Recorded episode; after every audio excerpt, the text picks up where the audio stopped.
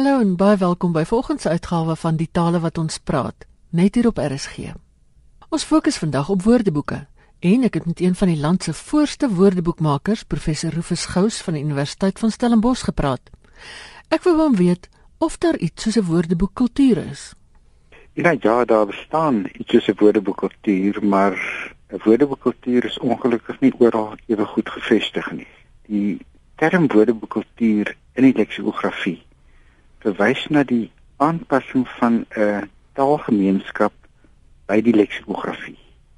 Wat ek daarmee bedoel, die lede van die taalgemeenskap moet vertroud raak met woordeboeke, moet weet dat 'n woordeboek nie 'n ding is waar jy al jou vrae noodwendig altyd in een en dieselfde woordeboek beantwoord gaan kry nie. Daar's verskillende tipes woordeboeke. Woordeboekkultuur beteken ook dat mens bepaalde woordeboekgebruiksvaardighede moet aanleer. As jy 'n nuwe wasmasjien kry, moet jy leer hoe om daardie wasmasjien te gebruik. As jy 'n nuwe woordeboek kry, moet jy weet wat kan ek in hierdie woordeboek verwag en hoe kan ek dit kry? Hmm. En 'n woordeboekkultuur is dus daardie beweging waar 'n maatskappy, waar 'n taalgemeenskap haar aanpas by die leksikografie en vertroud raak met woordeboeke. Nou in die leksikografie staan die term woordeboekkultuur naast die term gebruikersvriendelikheid waar 'n woordeboekkultuur sê die taalgemeenskap pas by die leksikografie aan, sê gebruikersvriendelikheid die leksikografie pas by die gemeenskap aan. Leksikografe moet woordeboeke maak wat nie maar net mooi versierings op die boekerak gaan wees nie, maar moet woordeboeke maak wat op spesifieke gebruikers spesifieke behoeftes gerig is. En daardie woordeboek moet so vriendelik wees dat die teikengebruiker van daardie woordeboek met gemak daardie woordeboek kan gebruik. So jy het hierdie wisselwerking voortdurend in die leksikografie tussen die taalgemeenskap, die woordeboekgebruikers en die makers van woordeboeke. En albei moet by mekaar aanpas om uiteindelik 'n goeie woordeboekkultuur gevestig te kry waar 'n taalgemeenskap weet hoe en waar en watter woordeboek om te gebruik. Nou watter soort woordeboeke kry mens? Ehm um, ek dink nou ons het nou genoeg tyd om deur die volle lysie te gaan. Ja. Maar as mens 'n woordeboekkultuur het, dan sal die lede van die taalgemeenskap ook weet jy gaan nie in een woordeboek alles kry jy te magte om verskillende woordeboeksoorte. En jy moet weet waar jy wat moet gaan soek nou in 'n woordeboek tipologie. Wissel die woordeboeke van jou klein klein skoolwoordeboek tot by jou groot omvattende meerdelige woordeboek. Van woordeboeke wat met die algemene taal werk tot woordeboeke wat met vaktaal werk. Van woordeboeke wat 'n klomp verskillende inligtingstipes vir jou gee tot 'n woordeboek wat net een inligtingstipe gee. Byvoorbeeld net uitspraak of net spelling hmm. of net idiome. Van woordeboeke wat vir jou 'n historiese oorsig oor die taal gee tot woordeboeke wat op een tydstip van die taal fokus van woordeboeke wat op moedertaalsprekers en hulle behoeftes gerig is tot woordeboeke wat op die aanleerder van 'n nuwe taal se behoeftes gerig is. Daar's dus 'n hele spektrum van woordeboeksoorte en dit is belangrik as leksikograaf sy of haar hand aan die woordeboek ploeg gaan slaan om te weet presies watter ploeg dit is. Jy weet wat ter soort woordeboek gaan jy saamstel. Weerens daar besluit die leksikograaf nie maar net jy weet op my boekrak uh, bestaan woordeboek soort X nog nie, dus gaan ek nou vandag woordeboek X skryf. Ja. Daai woordeboek gaan regtig nie veel waarde hê nie, want wie gaan die woordeboek gebruik? Ja. Voordat jy 'n woordeboek skryf, moet jy weet wie is die teikengebruiker van jou woordeboek. Jy moet dus weet daar is 'n behoefte aan daardie bepaalde soort woordeboek. En as jy vra na wie die teikengebruiker van 'n woordeboek is, dan moet jy onmiddellik ook weet Maar wat is die die behoeftes van hierdie teikengebruikers? Wat het hulle in 'n woordeboek nodig? En veel meer is dit, jy moet ook weet wat is die naslaanvaardighede van daardie teikengebruiker. Want jy weet jy kan 'n uh, verklarende woordeboek argument sal beskryf wat op gevorderde moedertaalsprekers van 'n taal gerig is. En van daardie mense kan jy verwag hulle kan 'n woordeboek gebruik. Maar dan kan jy ook 'n verklarende woordeboek skryf wat op grondslagfase leerders gerig is as teikengebruikers. Hulle het nog nie woordeboekgebruiksvaardighede nie. Jou woordeboek as hy 'n vriendelike woordeboek is, moet dit so saamgestel word dat hulle ook genoegsaam toegang tot die woordeboek gaan kry om antwoorde te kry op die vrae wat hulle het wanneer hulle daai woordeboek raadpleeg. So die hele ding van 'n woordeboek tipologie hang ten nouste saam met verskillende gebruikers en verskillende gebruikersgroepe en die verskillende behoeftes en naslaanvaardighede van hierdie groepe. Hmm. Nou voor ons by 'n spesifieke woordeboek kom, wil ek net eers vra hoe leer 'n mens mense om 'n woordeboek dan nou te gebruik? Ek wens meer mense wil daai vraag vra. Ek dink dit is belangrik dat ons van die standpunt uit van 'n woordeboek is 'n praktiese gebruiksinstrument. En ons kan nie verwag dat omdat woordeboeke daar is, mense gaan weet hoe om woordeboeke te gebruik nie. Ja. As ek 'n nuwe selfoon kry, weet ek nie sonder meer hoe om daai selfoon te gebruik nie. Daar's 'n handleiding en ek gaan kyk na die handleiding en ek hoor en lees en sien hoe hierdie selfoon gebruik moet word. As jy 'n nuwe bytel kry en jy is 'n skrynwerker, dan moet jy eers leer hoe om daai spesifieke bytel te gebruik voordat jy ordentlike houtwerk met die ding kan doen. Op dieselfde manier om 'n woordeboek vir iemand in die hand te stop is 'n baie gevaarlike ding. Daardie persoon moet geleer word hoe om die woordeboek te gebruik en dit is waar 'n woordeboekkultuur vra dat 'n ding soos woordeboek gebruiksvaardighede van kleins af aangeleer moet word. Hmm. Dit uh, dit moet in die huis aangeleer word. Kinders moet voor skool al met my eerste 100 woorde, my eerste woordeboek kennis maak.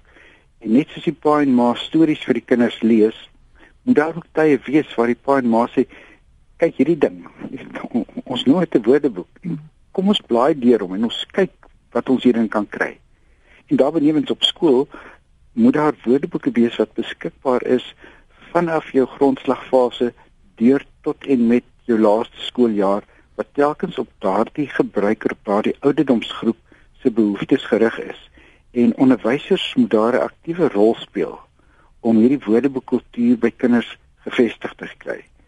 Dit en, en dan werk mens ook met die idee dat woordeboekgebruik sluit aan by daai baie mooi beginsel van lewenslange leer.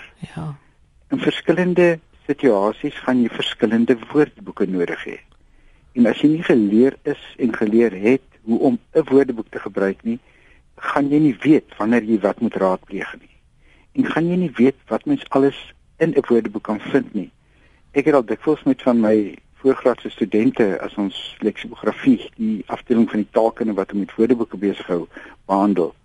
Dan sal ek hulle 'n bladsy in 'n woordeboek gee en sê, "Right, vertel gou vir my wat wat kry jy alles uit hierdie woordeboekmateriaal?" Daar's 'n klompie ooglopende goed wat jy sal kry, jy weet sê maar 'n verklarende woordeboek sou sê hier so 'n definisie of hier is 'n meervoudsvorm van 'n woord of so 'n spelletjie woord. Maar na rukkie droog die antwoorde op. En dan weet mens daar sit nog 'n klomp goeters in daai woordeboek. Die die Skotse leksikograaf Tom MacArthur in 'n stadium van woordeboeke gepraat as containers of knowledge. En hierdie hierdie houers van kennis, daar sit 'n klomp kennis wat verpak is in die woordeboek. Maar jy moet weet hoe om dit te ontpak, hoe om die data in die woordeboek te ontsluit. En en dit is waar ons nie van gebruikers kan verwag om sonder meer net te weet dit is in die woordeboek nie. Dit terloops is hoekom 'n woordeboek ook 'n gebruikersteks voorin het waarin 'n uiteensetting gegee word van wat jy alles in die woordeboek kan kry en hoe jy dit moet soek. Maar weer eens, dis 'n teks wat deur baie min mense gelees word. Om terug te kom eh, by ander instrumente as as ek 'n wasmasjien kry, 'n nuwe wasmasjien en ek 'n wit hemp die eerste keer wil was, gaan ek hom net in die masjien gooi en die eerste beste knoppie druk nie, want dan gaan ek 'n kort mou hemp of 'n pink hemp of 'n blou hemp uitkry. Ja. Ek moet kyk watter program ek moet volg. 'n Woordeboek is 'n praktiese gebruiksinstrument. Het 'n handleiding. En daai handleiding moet gelees word sodat jy 'n optimale onttrekking van inligting aan die data in die woordeboek kan hê. Jou grondslagfase kinders gaan nog nie daardie handleiding self kan lees nie. Hmm. Die onderwysers moet hulle daarmee help en die onderwysers moet die kinders help sodat hulle uiteindelik self weet as ek hierdie praktiese gebruiksinstrument ten beste wil benut moet ek na die voorskrifte na die reëls na die riglyne wat in die woordeboek gegee word gaan kyk Julle is nou besig om 'n woordeboek saam te stel vir laerskoolkinders wat nie Afrikaans moedertaalsprekers is nie. Vertel ons 'n bietjie daarvan. Dis reg ja, Ina. Ehm uh, dis eintlik 'n herbewerking van 'n bestaande woordeboek wat 'n klomp jare gelede verskyn het, 'n woordeboek met die naam Woordeboek sonder grense. Mm. En die woordeboek is destyds beplan vir uh, leerders hier van graad 4 tot graad 7 met Afrikaans as addisionele taal. Die woordeboek sluit aan by die handboek reeds Afrikaans sonder grense.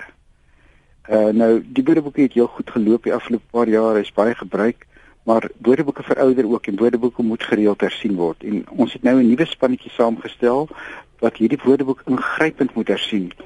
En die hersiening van hierdie woordeboek is regtig iets waaroor ons opgebonde is want ons kyk nou na wie is hierdie tekengebruikers van ons. Hmm.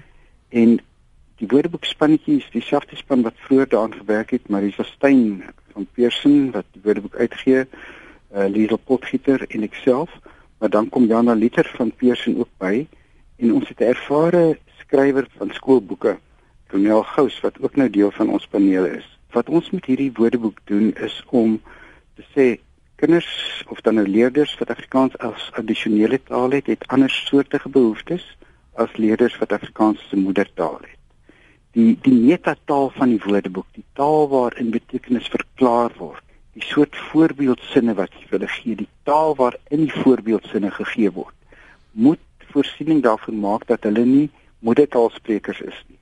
Jy moet dit formuleer op hulle begripsvlak. En die die keuse van woorde wat opgeneem moet word, moet ook daardie woorde wees wat in hulle daaglikse oggend en aand praatjies in hulle daaglikse skoolervaring en dit wat hulle vir huiswerk moet doen en die opstel wat hy moet skryf wat daar ter sake is. En wat ons dus hier gedoen het om die die woorde te kies wat opgeneem moet word. Ons het gekyk na die taal wat in die handboeke, die taal wat in die kurrikulum, die taal wat in die tipiese daaglikse klassituasie gebruik word. En daaruit het ons 'n lys woorde saamgestel want dit is die woorde waarmee kinders te make gaan kry. En in die bewerking ons gaan kyk maar maar wat het hierdie leerders nodig? Dit die spelling van die woord. Dit kry hulle deur my trefwoord na die lemma te kyk. Ja. Ons gee hulle 'n betekenisverklaring, maar weer eens, daardie verklaring moet nou nie in moeilike leksikografie vir hulle gegee word nie. Weet hulle moenie so sukkel om daai definisie te lees dat hulle regtig nie agter die kap van die betekenisbyl kan uitkom nie. Ja. Die definisies moet baie deursigtig wees, moet eenvoudig geformuleer word. En dan as ou ou siening in die taalkunde dat 'n uh, woord se gebruik gee eintlik vir jou baie meer van sy betekenis te ken as 'n uh, definisie. Ons gee dan 'n klompie gebruiksvoorbeelde wat die tipiese gebruik van daardie woord illustreer. En daardie gebruiksvoorbeelde het twee belangrike funksies. In die eerste plek help dit die gebruiker, die leser, om die woord in 'n konteks te sien.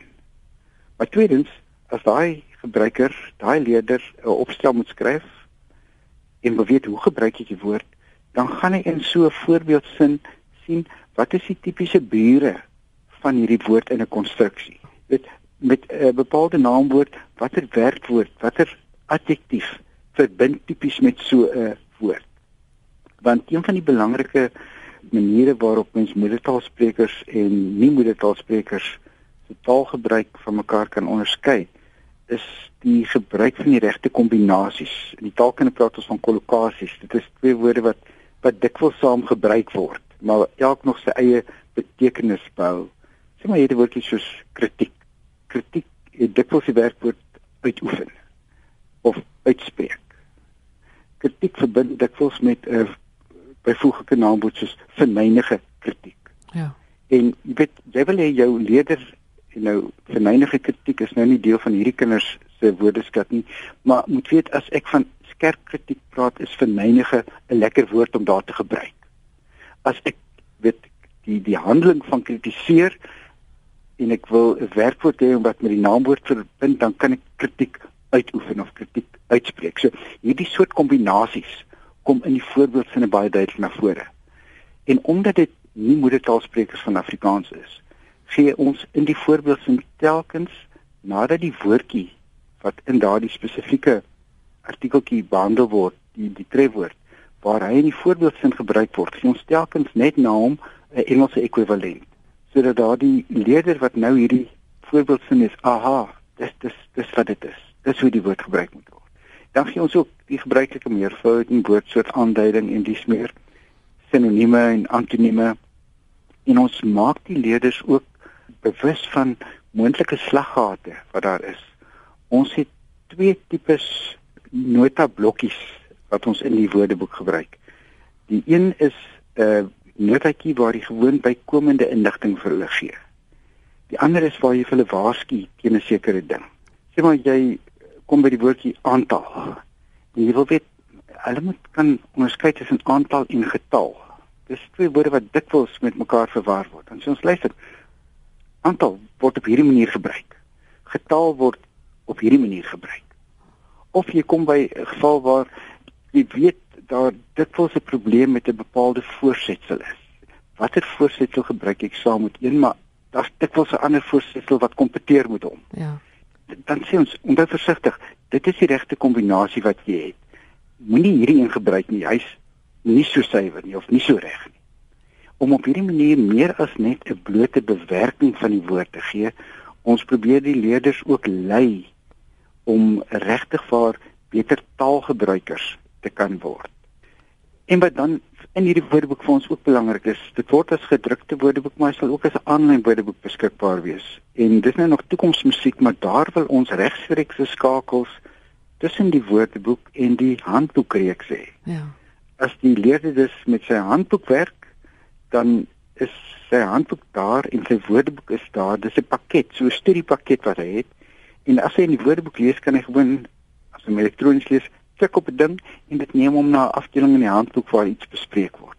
As hy 'n sekere deel in sy handboek het wanneer dit ook elektronies beskikbaar is, klik op iets en hy word dan gelei na 'n deel in die woordeboek waar dit behandel word. Hmm. So jy het hierdie wisselwerking tussen jou woordeboek en jou handboek en dis deel van wat ek net nou genoem het hierdie proses van lewenslange leer.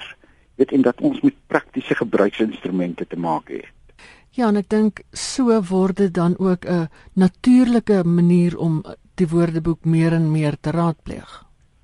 On, ons hoop regtig so. En ehm uh, nie net om die woordeboek meer en meer te raadpleeg nie, maar ook om meer en meer woordeboeke te raadpleeg. Ja. Weet en as so 'n woordeboek geïntegreer word in jou leerervaring, dan gaan jy as jy op 'n verdere vlak is ook dink maar ek het nou weer 'n woordeboek nodig. Nou gaan soek ek watter woordeboek nou vir my ter sake is. En een ding wat vir my persoonlik baie belangrik is, ons sit in Suid-Afrika in Afrikaans, maar ook in die ander Suid-Afrikaanse tale te dikwels met uh, leksikografies verlore generasies. Mense wat regtig nie die regtig nooit die geleentheid gehad het om by 'n woordeboekkultuur betrokke te raak nie. En deur leerders van jongs af op sowel moedertaal as addisionele taalvlak met woordeboeke te laat kennis maak. Hoop ons om 'n woordeboekkultuur gevestig te kry wat dan algaande uitgebrei en uitgebrei en uitgebrei kan word. Dit was die bekende leksikograaf professor Rufus Gous van die Universiteit van Stellenbosch. Nou is dit tyd vir woord van die week en hier is dokter Willem Botha van die Woordeboek van die Afrikaanse taal.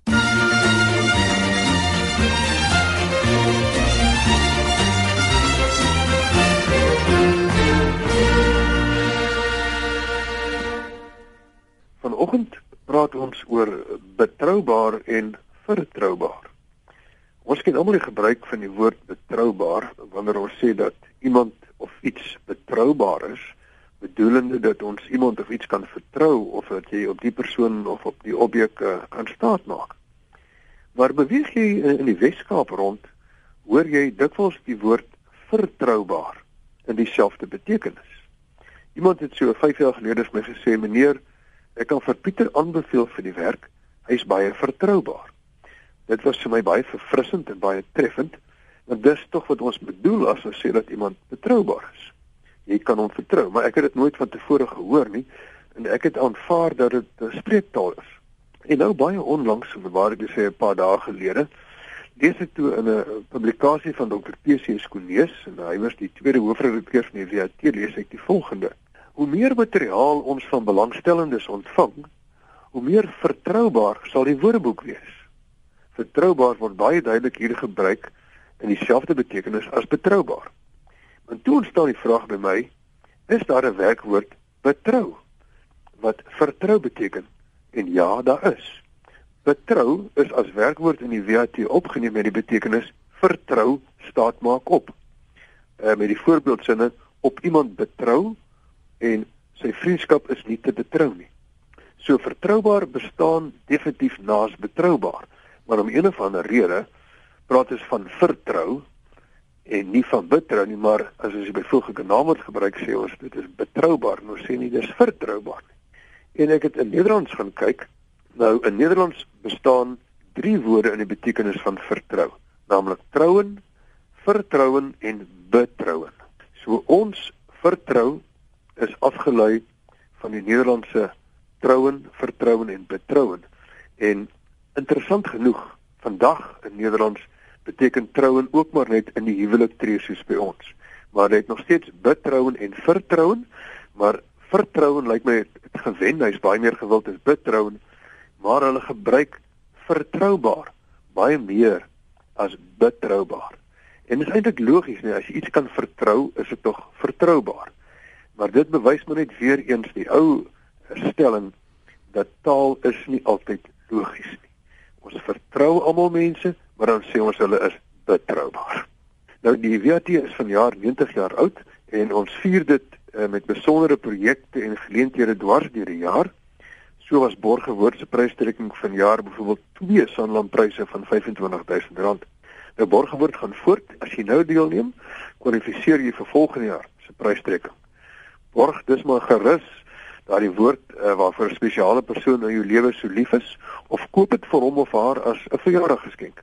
En dan in Mei maand uh, begin ons in samewerking uh, met RSG en die ATKV met ons gunsteling woord kompetisie. Nou ons wil probeer vasstel wat is Afrikaans sprekendes se gunsteling woord. Jy stuur eenvoudig jou gunsteling Afrikaanse woord na RSG se kitspeiling op hulle webblad en die woord wat deur die meeste luisteraars ingestuur word sal dan beskou word as ons gunsteling woord. Daar is ook pryse geskenk deur die ATKV en die WAT op die spel.